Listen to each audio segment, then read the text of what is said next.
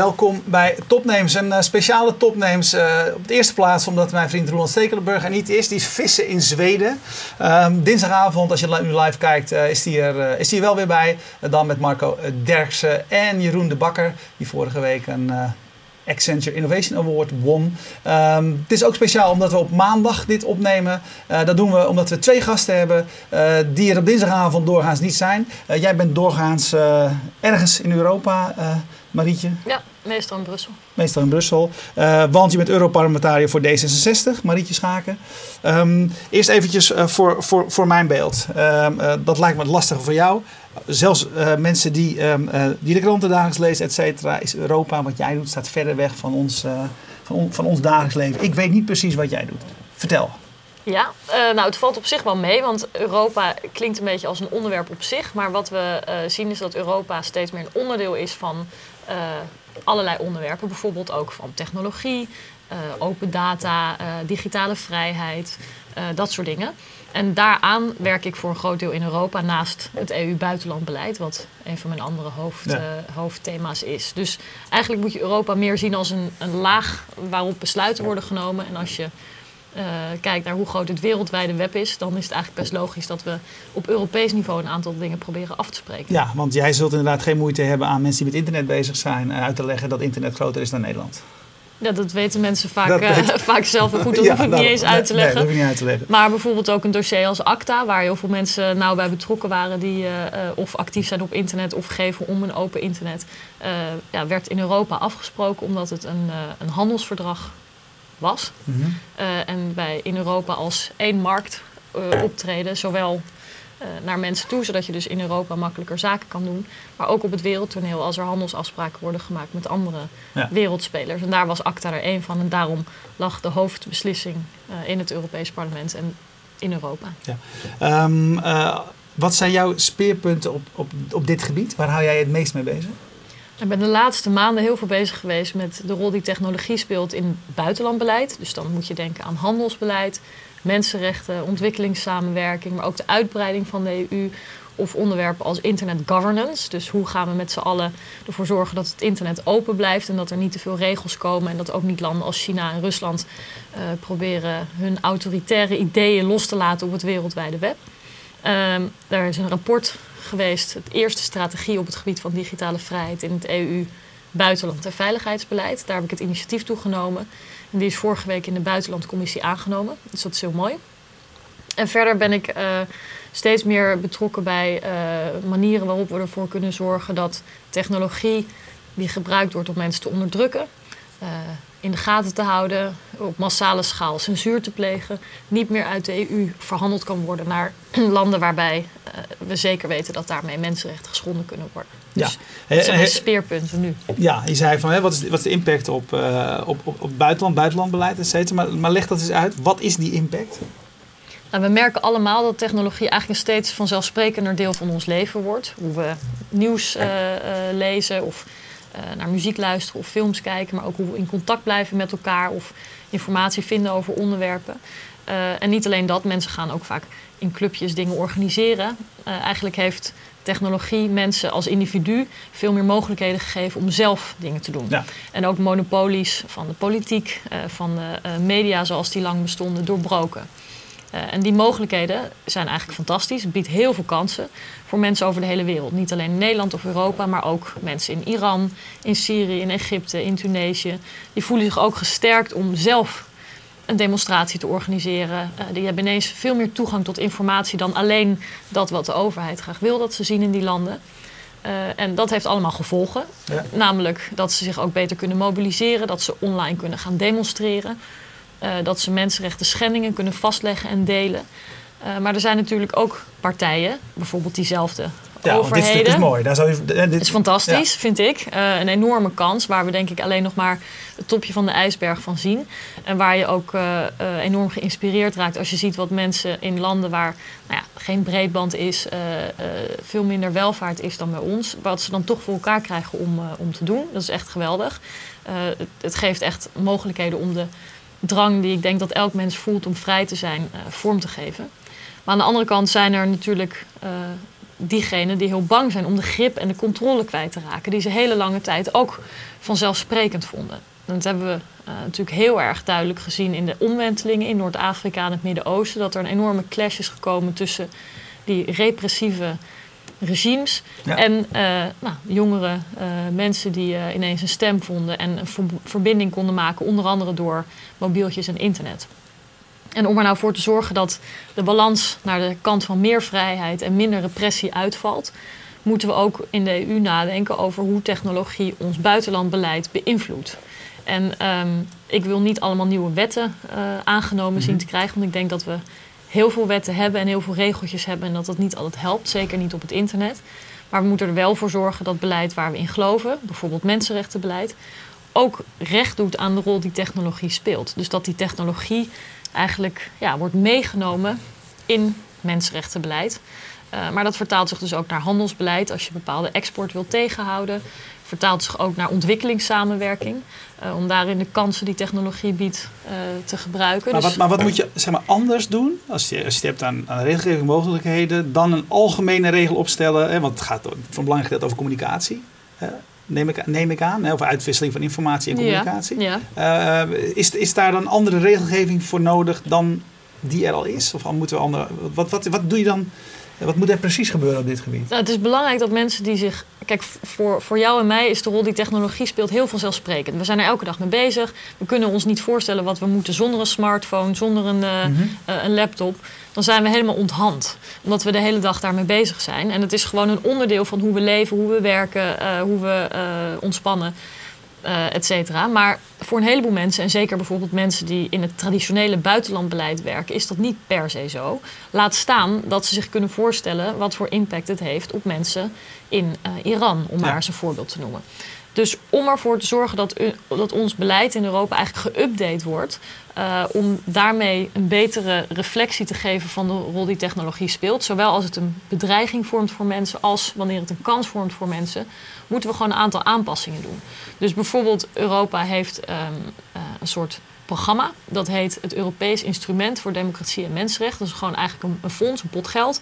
En daarmee worden allerlei projecten uh, en mensen ondersteund in mm -hmm. hun democratiserings- en mensenrechtenwerk. Maar voorheen was daar niks in voorzien voor de rol die technologie speelt. Terwijl het wel helpt om mensenrechtenverdedigers, mensenrechtenorganisaties, uh, zichzelf te laten beschermen online. Zodat niet hun accounts gehackt worden, zodat niet uh, alle informatie die ze delen ook door de overheid gezien wordt. Uh, en door dan te zeggen, zorg dat je dat instrument ook kunt gebruiken om een slimme toepassing van technologie te maken, mm -hmm. kunnen ze dat wel gaan doen. Dus je moet je eigenlijk voorstellen dat het gewoon geïntegreerd wordt, de rol van technologie in allerlei buitenlandbeleid. Uh, en daarbij is ook wat meer kennis nodig. Ik denk dat wat je in de politiek ziet, en waar ik ook wel eens van schrik, is dat er best een gebrek is aan kennis en begrip van van de mogelijkheden en de onmogelijkheden, de Precies. kansen en de gevaren. Ja. ja. Als we, we komen straks op, die, op een aantal van die punten die, die je eerder noemde. Maar als we het even persoonlijk uh, maken. Jij, jij in je werk, uh, hoe helpt of hindert, uh, hinderen deze nieuwe mogelijkheden jou? En voor mij helpt het eigenlijk vooral. Ik kan me echt niet voorstellen hoe ik zonder een verbinding met de rest van de wereld mijn werk zou moeten doen. Om te beginnen denk ik dat ik niet in het Europees parlement zou hebben gezeten als er geen social media waren geweest. Um, we hebben net de Amerikaanse verkiezingscampagne gezien. Daar gaat heel veel geld in om. In Nederland is dat totaal anders. Eigenlijk heb je nauwelijks een budget. Uh, en ik was een kandidaat waarvan helemaal niet verwacht werd, logisch niet kon worden aangenomen dat ik gekozen zou worden in het parlement. Dus ik had gewoon mijn eigen baan en ik moest op creatieve manieren proberen ja. mensen te zien, zien, te bereiken. En ik heb daarvoor heel veel social media gebruikt. En daardoor kon ik in gesprek blijven. Dus het interactieve vind ik uh, heel erg belangrijk. Dat je niet alleen maar dingen de wereld inslingert, maar ook ja. gesprekken aangaat. Uh, en nu, 3,5 jaar uh, uh, in mijn mandaat in het Europees Parlement, haal ik eigenlijk heel veel informatie, bijvoorbeeld op vanuit Twitter. artikelen die worden rondgestuurd, maar ook contacten met activisten, experts over de hele wereld. Uh, ja, heb ik heel erg te danken aan, ja. uh, aan die social media. Maar vertel eens, heb je, heb je echt, zeg maar, hoe, hoe heb je dat gedaan toen je campagne voor jezelf ging voeren? nou, ik heb dat niet in mijn eentje gedaan. Ik had gelukkig een team met vrijwilligers ja. erbij. Eh, en als eerste heb ik gewoon de netwerken die ik had, op LinkedIn, op Twitter, op Facebook, aangesproken om te vragen wat zij belangrijk vonden. En of ze het een goed idee vonden dat ik kandidaat was of dat ze tips hadden. Mm -hmm. En dat is eigenlijk een beetje uitgebouwd. en we hebben toen ook als een soort um, discussie-aanjager het D66-verkiezingsprogramma in 10 tweets online gezet. In ja. het Nederlands en in het Engels. Nou, en dat was toen zo um, vernieuwend dat het ook de traditionele media haalde. Dus zeg maar kranten en uh, radio gingen dat oppikken. Mm -hmm. Dus dat was heel grappig dat het eigenlijk meer ja, van onderaf kwam, dat nieuws. Terwijl nu ja, uh, zitten daar hele campagneapparaten achter ja. die niet anders doen. Maar dat was toen een beetje, een beetje nieuw. Dus ik denk dat ik daardoor ook wat meer bekendheid kon krijgen. En ook een discussie kon starten met mensen over... is het nou een goed verkiezingsprogramma? Waar gaat het ja. eigenlijk over? Is Europa belangrijk, ja of nee? ja. Dat soort dingen. En, um, en als je, uh, zoals je nu zegt, uh, het helpt je informatie te krijgen, het helpt je in contact te komen met, met mensen of in contact te blijven met mensen. Um, hoe, hoe doe je dat dan? Precies, heb je dan lijsten zeg maar, binnen Twitter met specialisten op andere gebieden? volg je mensen en, en komt het, zeg maar, wat bij mij zelf vaak zo is ook, heel veel dingen komen toevallig uh, tot me, zeg maar. Of, of, niet helemaal toevallig, want je bent die mensen gaan volgen natuurlijk. Ja. Maar doe je, doe je dat systematisch? Doe je dat, hoe werk je? Nou, het bouwt zich denk ik op een beetje organische manier op. Uh, ik bedoel, ik heb nu ik geloof rond de 15.000 mensen die mij volgen. Maar ik volg zelf ook heel veel mensen. Ik denk rond de 4.000. Mm -hmm. uh, en daarmee leer je mensen ook een beetje kennen. Dus het gaat er niet alleen om of je via social media informatie kan uitwisselen. Maar het is voor mij ook een manier om te laten zien aan mensen wat ik eigenlijk doe. Uh, in de eerste plaats natuurlijk uh, mensen in Nederland. Van, wat doet ze nou eigenlijk ja. in Brussel? En was het wel een goed idee om op haar te stemmen, ja of mm -hmm. nee? Of hebben we nog een vraag of een, of een kritische opmerking of een idee? Dat ik daarvoor openstaan, dat mensen het ook kunnen zien. Uh, ik doe het ook allemaal zelf, uh, mijn, uh, mijn social media. Ik heb geen assistenten okay. die dat voor mij doen. maar omdat ik buitenlandbeleid doe, vind ik het ook belangrijk om op die manier aan mensen in de rest van de wereld te laten zien wat we in Europa doen. En om ook te kijken of het zin heeft. Uh, en het gebeurt wel eens dat ik bijvoorbeeld, uh, ik was een keer op Franse televisie om over Syrië te praten. En meteen daarna uh, nam een activist contact met me op en die zei: Ik zag u net op televisie, kunnen we praten? toen hebben we telefonisch contact gehad daarna.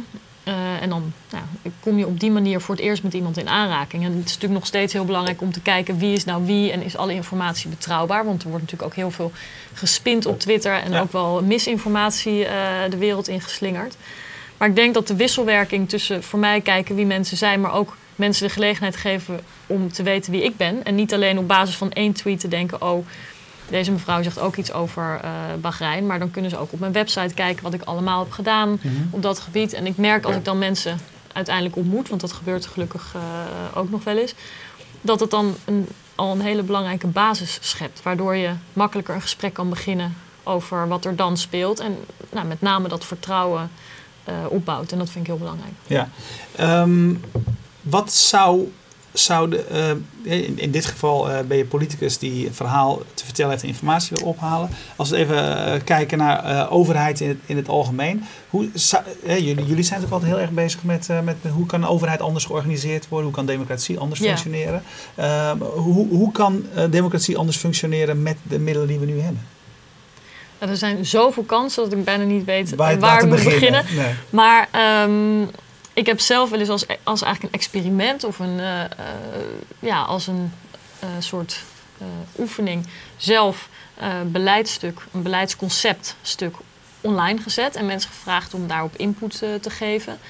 En ik was echt uh, heel blij met de input die ik kreeg. Mensen gingen er ook geen rare teksten in zetten. Weet ik veel, ja. de naam van hun favoriete voetbalclub. Of misschien nog wat ja. uh, vervelendere teksten. Dat had natuurlijk ook gewoon gekund. Ja. Het ging over ACTA en ik kreeg echt hele goede input. En dat vond ik ook heel leuk. Omdat je dan gewoon ziet dat mensen uit de hele wereld mee willen denken. En daar de tekst ook echt beter van werd. Natuurlijk moet ik uiteindelijk de beslissing nemen wat ik wel en niet uh, in het parlementaire proces wil, wil inbrengen. Maar het helpt mij gewoon om mijn gedachten aan te scherpen en om verschillende kanten uh, te zien. En ik denk ook dat het een signaal is naar mensen van denk maar mee, je mag ook meedoen. Ik zit hier namens jullie, uh, dus uh, we weten samen vast meer dan ik alleen. En ik denk dat dit soort processen, dus van samen mm -hmm. beleid maken, van openheid geven in het parlementaire proces. Maar ook bijvoorbeeld open data, gegevens beschikbaar stellen, makkelijk te vinden. Niet websites waar uh, iets misschien wel beschikbaar is, maar dan in PDF-vorm van 350 pagina's. Weet je wel, dat werkt gewoon niet. Dus niet echt vindbaar. Dus ik denk dat informatie veel meer uh, in real-time geüpdate moet worden, uh, digitaal en doorzoekbaar moet zijn. En dat allerlei instellingen zoals een Europees Parlement, maar ook de Europese Commissie of ministeries in Nederland nog een wereld te winnen hebben om gewoon informatie simpel, goed doorzoekbaar en up-to-date uh, online te hebben. Heel veel, heel veel informatie is gewoon niet goed vindbaar en dat schept ook een afstand. Ja, en, en, hoe, hoe uh, en, en hoe komt dat dat jij dat belang ziet en het er toch nog niet is? Omdat een heleboel mensen, uh, denk ik, gegroeid zijn in een systeem waarbij deze technologische mogelijkheden er nog niet waren. Mm -hmm. En uh, het ook een beetje hun terrein, hun expertise is om bijvoorbeeld mensen aan informatie te koppelen. Dus om te zeggen, uh, hè, als u informatie wil, bel dan op. En dan kan iemand dat gaan zoeken en die kan dan die dienst verlenen. Ja.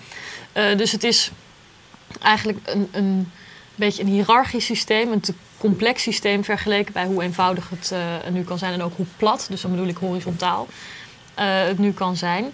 En uh, dat vergt gewoon een, een, transitie. Maar ik denk wel dat we die moeten blijven aanjagen. Dus het is misschien niet makkelijk, maar we moeten het wel proberen. En als ik bijvoorbeeld in het parlement kijk, heel simpel, wat een papier daar uh, er doorheen gaat elke dag. Ik krijg echt kilo's per week als ik alles zou meenemen. Want alles wordt vertaald, wordt in verschillende talen geprint. Dat is echt ongelooflijk. Ja. Als we dat nou eens papierloos zouden maken. Uh, dan wordt er al veel meer vanaf het begin digitaal gewerkt. En is het dus ook makkelijker om dat weer uh, te delen. Dat is basismateriaal al beter, ja.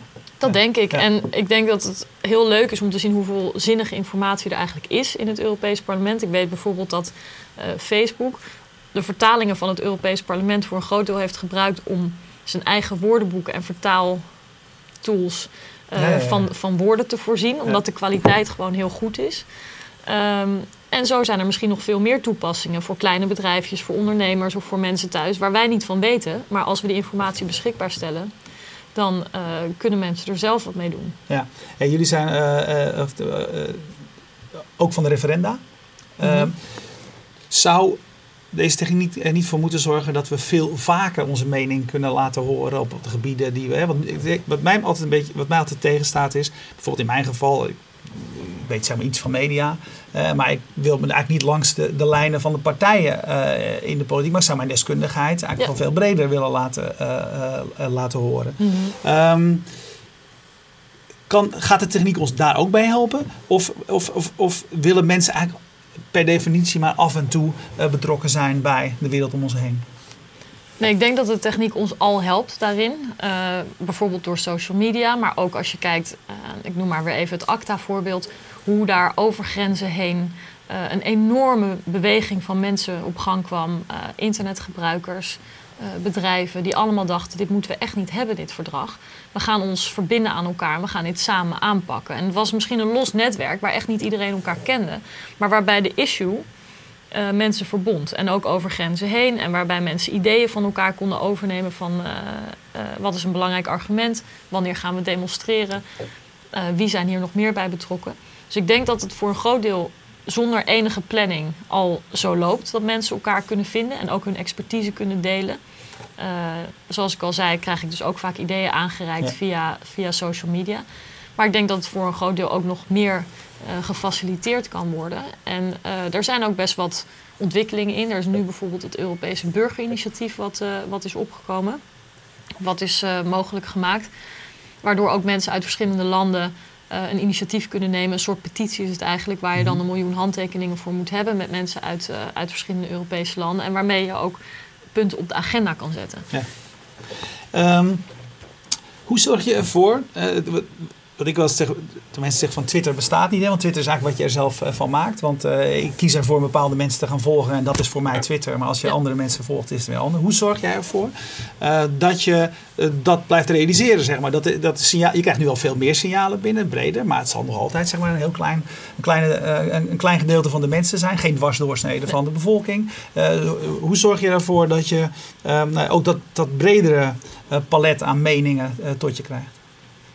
Dat is eigenlijk een onderdeel van al het werk wat we doen. Het is inderdaad goed om te blijven realiseren dat het niet de wereld is die op Twitter zit, dat het echt een zelfselectie is en ook een zichzelf versterkende uh, uh, manier van, van meningen delen. Want mensen trekken natuurlijk heel erg naar elkaar toe of gaan juist het conflict opzoeken. Maar uh, nou, er gebeurt, gebeurt heel snel ja. zo'n soort confrontatie of zo'n soort um, aggregatie van, van meningen.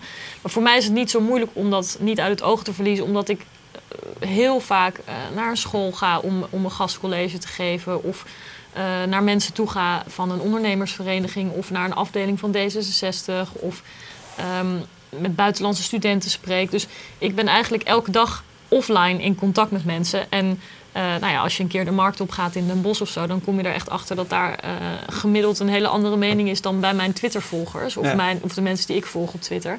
Dus uh, het is voor mij een onderdeel van mijn werk. Ik denk ook dat ik uh, meer dan gemiddeld een achterban heb van mensen die inderdaad digitale uh, thema's belangrijk vinden of, mm -hmm. of technologie belangrijk ja. vinden, want dat, dat versterkt elkaar ook.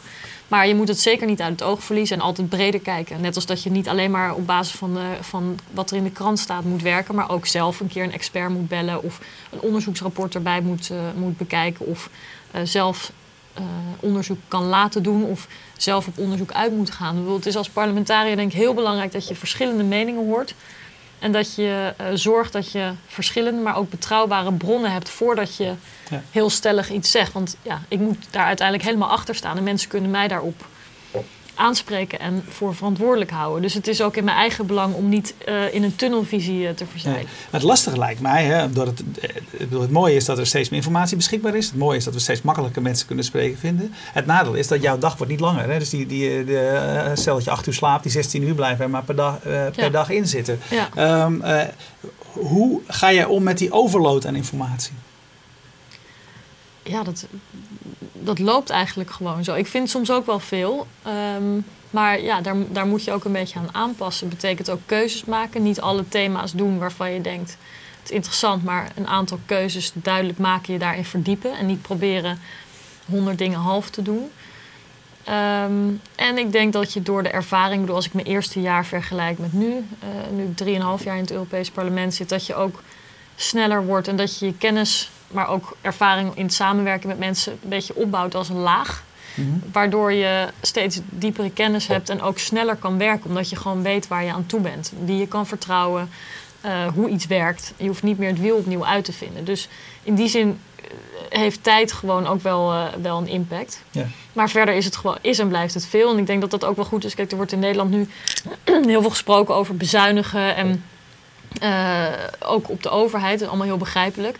Maar uh, als je kijkt naar uh, dat Kamerleden bijvoorbeeld ongeveer 1 à 2 uh, medewerkers hebben, en wij ook een paar.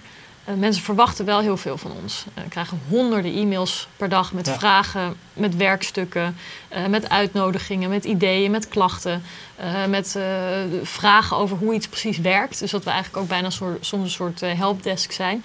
Als je dat goed wil verwerken, heb je gewoon capaciteit nodig. Dus uh, ja, het idee dat democratie geld kost, wordt wel eens een beetje vergeten. En je ja. kan niet blijven bezuinigen. Dus ik denk dat het ook nog wel goed is om even uh, bij stil te staan. Ik denk dat, dat we meer mogen verwachten van volksvertegenwoordigers, maar ze dan ook moeten ondersteunen en ook systemen moeten ontwikkelen waardoor ze makkelijker met mensen samen kunnen ja. werken. Hey, uh, op, op, je, op je site staat uh, dat uh, de policy areas zijn internet freedom, digital agenda en dan gaat, staat er onder culture, open data en, en copyright. Als we even, even die laatste twee pakken.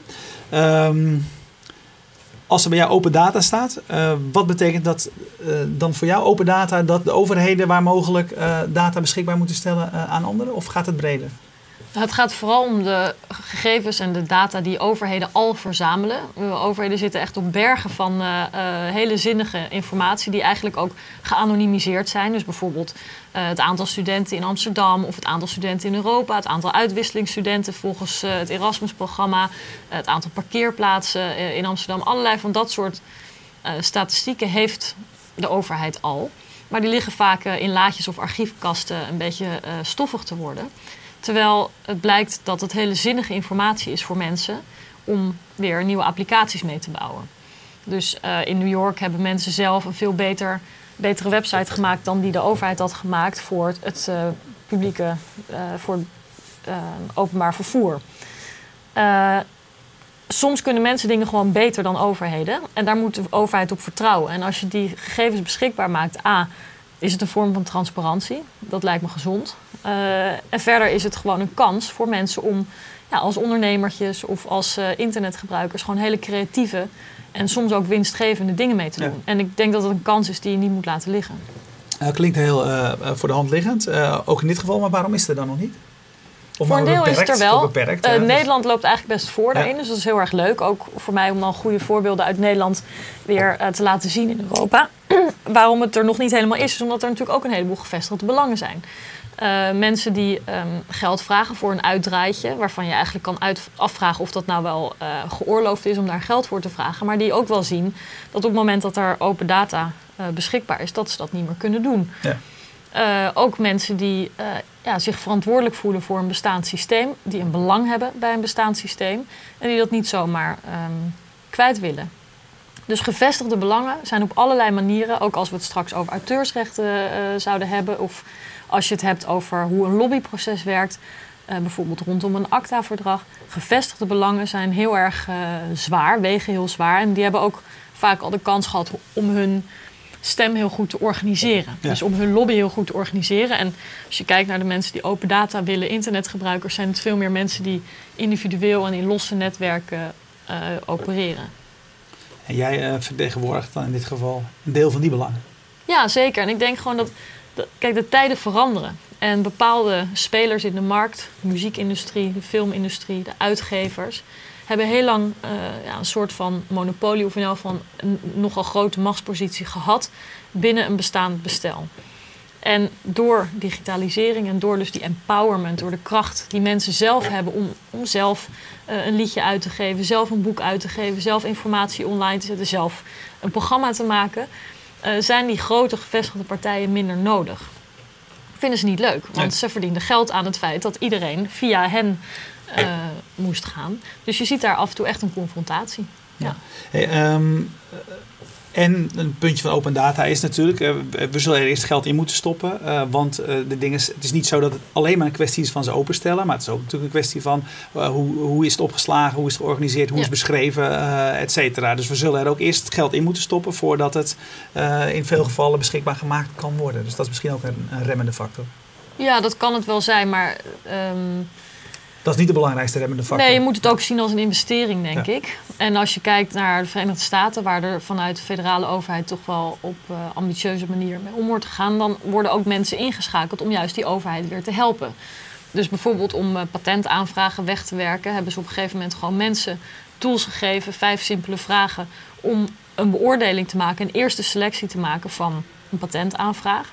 En dat heeft binnen een jaar de wachtlijst uh, weggewerkt. Uh, ze hebben het budget, de begroting online gezet en gezegd: als u een bezuiniging vindt, laat het ons weten. Nou, dat vinden mensen natuurlijk geweldig. Ten eerste omdat het gewoon leuk is om te kijken of je slimmer bent dan de overheid, hè, of ze geld over de balk smijten.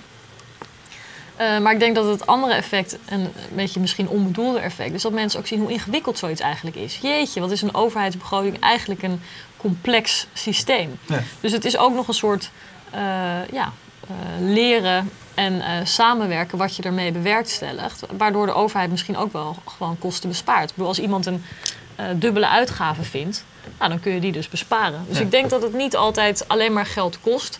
Uh, en zelfs als het een investering is, zou het wel eens een hele waardevolle investering kunnen zijn. Ja, dus meer crowdsourcing door de overheid. Uh, je zei het net al, uh, copyright, auteursrechten. Ehm, ik zeg wel eens tegen mensen, ik, ik zou niet snel een muziekstart beginnen want ik weet uh, wat voor een ellende het is, zeg maar, om, uh, ja. uh, om wat, wat, erbij komt kijken als je met rechten in, in de weer gaat. Um, als dat een van jouw onderwerpen is, um, hoe zou het auteursrecht beter um, in lijn met deze tijd gemaakt kunnen worden? Nou, ik vind in de eerste plaats wel heel erg dat je dat eigenlijk zegt. Want er zijn denk ik heel veel ondernemers die er gewoon niet eens meer aan beginnen. Omdat ze denken, oh wat, man, wat een berg moet ik over ja. aan uh, juridische adviezen in bijvoorbeeld 27 landen. Stel dat je een Europese uh, online muziekstream service zou willen beginnen. of film. Ik, ik ken de concrete voorbeelden van mensen die dat, die dat hebben gedaan. En ik weet waar ze tegenaan zijn gelopen. 27 verschillende winkels eigenlijk. 27 verschillende juridische systemen. Het kost geld, het kost tijd, het kost expertise. En daardoor kan je niet snel uitrollen. Uh, zelfs partijen die heel veel geld daarvoor hebben en ook heel veel tijd, zoals bijvoorbeeld de platenindustrie met Spotify, moesten ook gefragmenteerd uh, op die Europese markt gaan uitrollen. Ik denk dat dat een heel groot probleem is. Dus dat we moeten naar één Europees auteursrecht en dan ook veel simpeler. Met veel meer keuzevrijheid voor makers om uh, zelf te bedenken of ze wel of niet een rechtenbescherming willen, voor hoe lang.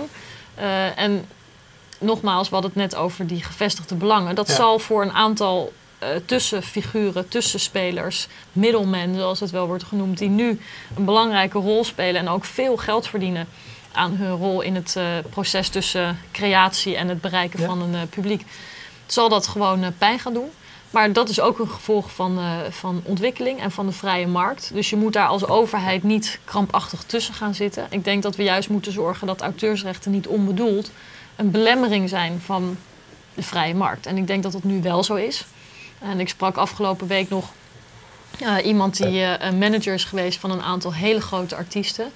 Uh, en als je hoort wat zelfs hele bekende artiesten overhouden aan de rechten, dan gaat het echt om heel weinig geld. En blijft er gewoon veel te veel aan de strijkstok zitten van uh, rechtenorganisaties ja, en, en van de industrie. Dat zijn wel de partijen die, beter dan wie ook uh, lobbyen of, ja. of, of, het geld hebben om te lobbyen. Ja, dat doen ze ook. Ja. Gratis concerten geven van hele bekende artiesten. Ze hebben natuurlijk een heel emotioneel argument wat ze vaak gebruiken. Want ze zeggen eigenlijk zonder auteursrecht is er geen kunst en cultuur meer. Nou, dat lijkt me wat ver gaan. maar dat zijn wel argumenten waar veel mensen een beetje zenuwachtig van worden. Ja. Um, uh, Christian Albert, Albertijn, een specialist op dit gebied, die is, is, plaatste recentelijk een, een, blogpost. En daar deed hij nog een keertje een, een oproep. Uh, nu is het zeg maar verbodsrecht. Ja. En hij wil eigenlijk naar gebruiksrecht, is het meen ik. Uh, waarbij je zegt van je mag, het, zeg maar, je, je mag materialen van anderen gebruiken onder deze voorwaarden. Ja. en terwijl het nu eigenlijk de situatie is, je mag het eigenlijk niet gebruiken tenzij. Zeker. Ja. Wat, hoe, hoe, hoe, zie jij, hoe zie jij dat voor je? Hoe zou, um, hoe zou dat moeten veranderen? Ja, het heeft allemaal weer met die keuzevrijheid te maken en ook met wat je van de overheid verwacht. Dus in Frankrijk was eigenlijk het meest extreme handhavingsmodel uh, van toepassing. Dat befaamde three strikes and you're out. Dus als je drie keer uh, auteursrechten uh, schendt eigenlijk, door bijvoorbeeld illegaal te downloaden... Ja. Dan mag je eventueel van, het internet, van je internetverbinding afgegooid worden. Ja. Een beetje zo straf en in de hoek of zo. een hele radicale maatregel waar heel veel protest tegen is geweest. Maar Fransen hebben het toch doorgevoerd. En nu zegt Hollande, de nieuwe uh, president eigenlijk, het werkt gewoon niet. Het kost ontzettend veel geld. De handhaving is ontzettend duur als je dat wil gaan doen. Het is ja. heel erg duur en het is eigenlijk bijna onmogelijk. En het is al helemaal onmogelijk als je fundamentele rechten van mensen in ogenschouw neemt. Dus je ziet ook in rechtszaken dat er tussen rechthebbenden en internet service providers continu een soort clash is. Want die rechthebbenden willen dat de internet service providers een soort muziekpolitie worden. Handhaven, handhaven, handhaven. Maar die internet service providers willen dat helemaal niet. Want daar schrikken die klanten van. En die hebben helemaal geen zin om te gaan kijken waar mensen eigenlijk uh, surfen of wat ze, wat ze downloaden. En het lijkt me ook logisch, want het gaat ze uh, niks aan. Die moeten gewoon de dienst verschaffen en dat is het. Um, maar ja, het is, het is zeker een probleem dat er veel te veel nadruk ligt op handhaving. Dat komt ook door die industrieën met die gevestigde belangen. Die willen dat graag, omdat ze daarmee hun verdienmodel overeind kunnen houden. Maar we moeten ook kijken naar wat het ons kost dat we geen goed functionerend auteursrecht hebben. Um, als je bijvoorbeeld kijkt in Europa, dan hebben we net een hele discussie gehad over zogenaamde verweesde werken. Dus werken waarvan helemaal niet meer te vinden is wie de rechten eigenlijk heeft. Uh, en wat je nu als situatie hebt, is dat die werken daardoor niet openbaar zijn. Omdat we niet weten wie het geld moet krijgen. Terwijl dat een heel belangrijk stuk erfgoed is in Europa, waar mensen misschien weer geweldige dingen mee zouden kunnen doen. Dus het kan interessant zijn voor het onderwijs of voor musea om gewoon toegankelijk te, te hebben wat er eigenlijk is gemaakt in een bepaalde periode. Maar ook muziek, misschien kan het geremixed worden, misschien kan het opnieuw uitgevoerd worden. Dat biedt eigenlijk heel veel kansen. En op dit moment houdt het systeem die werken, waarvan we dus niet eens weten naar wie het geld toe moet gaan, het gewoon helemaal op slot. Dus daar is het zeker uh, een goed voorbeeld voor om te zeggen ja, tenzij. Uh, en met elke nieuwe creatie vind ik het vooral belangrijk dat de maker zelf een keuze heeft. Dus dat er niet een soort wurgend contract of een soort norm is die heel beperkend is, maar juist een open keuze om te zeggen: Nou, uh, ik maak muziek en ik zie wel waar het terecht komt. Uh, ja, ik weet niet hoe het nu geloof... gesteld is, maar ik herinner me inderdaad een aantal jaar geleden ik maak zelf muziek. Het was nog zo, omdat ik, ik moet me bij de Buma Stemma aansluiten als ik tenminste ook geld wil ontvangen als ik op de radio gedraaid word. Daar komt het eigenlijk hè, op neer. Maar als ik bij de Buma Stemma ben aangesloten, althans zo was het toen, mhm. ga ik zelf eigenlijk niet meer over mijn eigen muziek. Kan ik zelf eigenlijk niet meer bepalen dat een ander het gratis mag aanbieden. Jij zegt eigenlijk daar, begin gewoon aan de basis. Degene die het maakt zegt van dit is wat er mee mag. En niet een overkoepelende organisatie per se. Ja, precies. En ik denk ook dat dat soort keuzes goed zijn voor de diversiteit. Uh, in Amerika zijn er inmiddels nog maar een paar hele grote platenmaatschappijen. Die bieden muzikanten een contract aan op basis van waarvan ze denken dat het heel veel winst gaat maken. Maar er is wel meer diversiteit dan alleen maar, de lichte popmuziek. En die krijgen daardoor ook veel minder kans om een contract te krijgen. Omdat die platenmaatschappijen alleen maar willen uh, winst maken. Dus de, de variatie kan ook een stuk minder worden in het huidige systeem. Uh, hoewel de winsten voor bepaalde partijen heel groot zijn. Dus dat, is, uh, dat is echt het is de hoogste tijd voor hervorming. Om ervoor te zorgen dat er een systeem is wat veel meer recht doet aan de mogelijkheden van digitalisering. Want als je luistert naar de lobby tegen hervorming, zou je bijna denken hè, dat internet en digitalisering één grote ramp zijn uh, voor de kunst en cultuur. Maar het tegenovergestelde is waar. Het is juist nu veel, veel meer mogelijk om een groter publiek over de hele wereld te bereiken. En ook tegen lagere kosten. Want je hoeft geen plastic schijfjes meer uh, te laten smelten. Je hoeft ze niet meer in een vrachtauto te leggen om van A naar B te brengen. Je hoeft geen winkelruimte meer te huren. Dus de mogelijkheden zijn eigenlijk enorm. En het is zonde dat een aantal grote partijen die een eigen belang hebben, daarmee het algemene belang ja. uh, dwars zitten. Ga jij die strijd winnen? Ik denk dat we daar een handje in kunnen helpen. Ik denk eigenlijk dat de markt of de ontwikkelingen zoals die er zijn, al zorgen voor een geleidelijke afbreuk van het, van het bestaande systeem. Dat zie je ook. Ik bedoel, er wordt enorm geprobeerd om, om uh, zogenaamde piraterij tegen te gaan, maar in de praktijk werkt het niet echt. Daarbij is het ook nog zo dat uit cijfers blijkt dat mensen die uh, veel downloaden, uh, ook uit een bron waarover geen auteursrecht is afgedragen, ook meer muziek kopen en consumeren, meer naar concerten gaan. Het zijn gewoon liefhebbers. Ja. Uh, dus of het nou echt zoveel kost, is überhaupt de vraag. ik denk dat het systeem moet veranderen. Ik wil graag dat de politiek daar een constructieve rol in speelt. Dus helpt bij die verandering en dat op een mooie manier vormgeeft. Maar zelfs als het me niet lukt, dus het is wel mijn ambitie, maar zelfs als het me niet lukt, denk ik dat het systeem uh, in de praktijk, dus de facto, gaat veranderen. Ja. En uh, wanneer uh, hebben we zeg maar één Europa als het gaat over ehm, rechten, regels, afspraken? Wanneer is er één loket nog waar we terecht kunnen? Poeh, ja, ik hoop echt dat het gisteren al zo was, maar is, het is, is ontzettend ingewikkeld. een belangrijk punt, neem ik aan. Voor commissaris Kroes is het heel belangrijk. Zij wil dat ook heel graag en zij ziet ook heel duidelijk, omdat ze zo ziet wat voor ik mogelijkheden. Ik zeg erbij, hè? met Zweedse denk ik helemaal niet meer. Hè? Nee, dat is al een tijdje geleden. Ja, bijna zo oud ben ik, ja. ja, maar er zijn wel meer mensen die dat... nog steeds zeggen, ja, ik dacht dat het, altijd dat het haar hele naam was. Maar, nee, ze heet Kroes. ja, ze heet ja. Kroes, ja. Um, maar um, kijk, zij ziet heel goed wat die mogelijkheden zijn van, van de digitale agenda. Zij wil het ook graag veranderen. Maar degene die erover gaat, is commissaris Barnier. Die is verantwoordelijk voor de interne markt en daarmee ook voor de digitale interne markt voor een groot deel. Dus hoe dat geharmoniseerd moet worden. En uh, die um, heeft helemaal geen haast. Ik weet niet precies waarom. Sommige mensen zeggen misschien moeten we daar maar blij mee zijn, want dat is een Fransman die uit de conservatieve school van uh, de Franse handhaving uh, van auteursrechten komt. Dus laten we maar blij zijn dat hij met geen plannen komt. Want misschien zijn het allemaal slechte plannen. Dat is ook een manier om er naar te kijken. Maar ik denk dat het ook kwalijk is dat terwijl de wereld gewoon doordraait en uh, bijvoorbeeld de Amerikaanse markt enorm groeit, wij niet die hervormingen maken waardoor we er allemaal beter van worden. Ik bedoel, als meer mensen in Europa, meer kleine bedrijfjes, zoals je al zei, hier nieuwe diensten kunnen ontwikkelen en daar ook uh, kansen mee hebben, omdat ze toegang hebben tot die mooie Europese markt, waar veel culturele diversiteit is en veel aanbod is, dan verliezen we ook concurrentiekracht. En dat is gewoon uh, heel erg onhandig.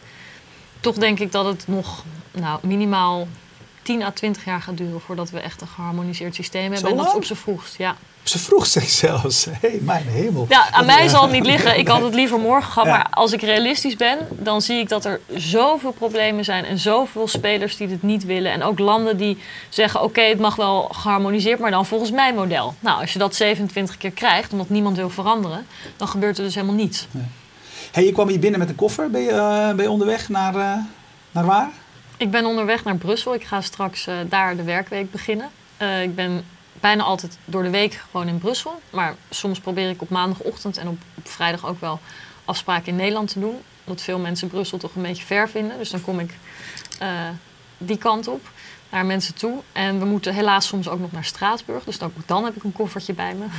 en in verband met mijn werk op het gebied van internationale betrekkingen en internationale handel... ben ik ook vaak in de rest van de wereld eh, te vinden. Dus eigenlijk ben ik bijna nooit zonder Zonder koffer. koffer. ja, als je me zonder koffer ziet, moet je je afvragen of er iets mis is. Oké. Ja. Goed, hey, dankjewel. Leuk Ja. dat je hier wilde zijn.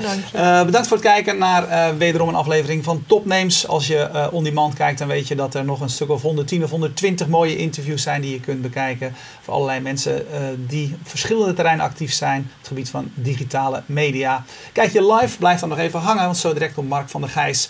eh, topondernemer uit China eh, hier langs, omdat hij ook toevalligerwijze vandaag eh, in het land is. Roland Stekelburg en Erwin Blom zijn er voor de live-kijkers morgenavond weer met Marco Derksen en Jeroen de Bakker. En nou ja, voor nu, dankjewel.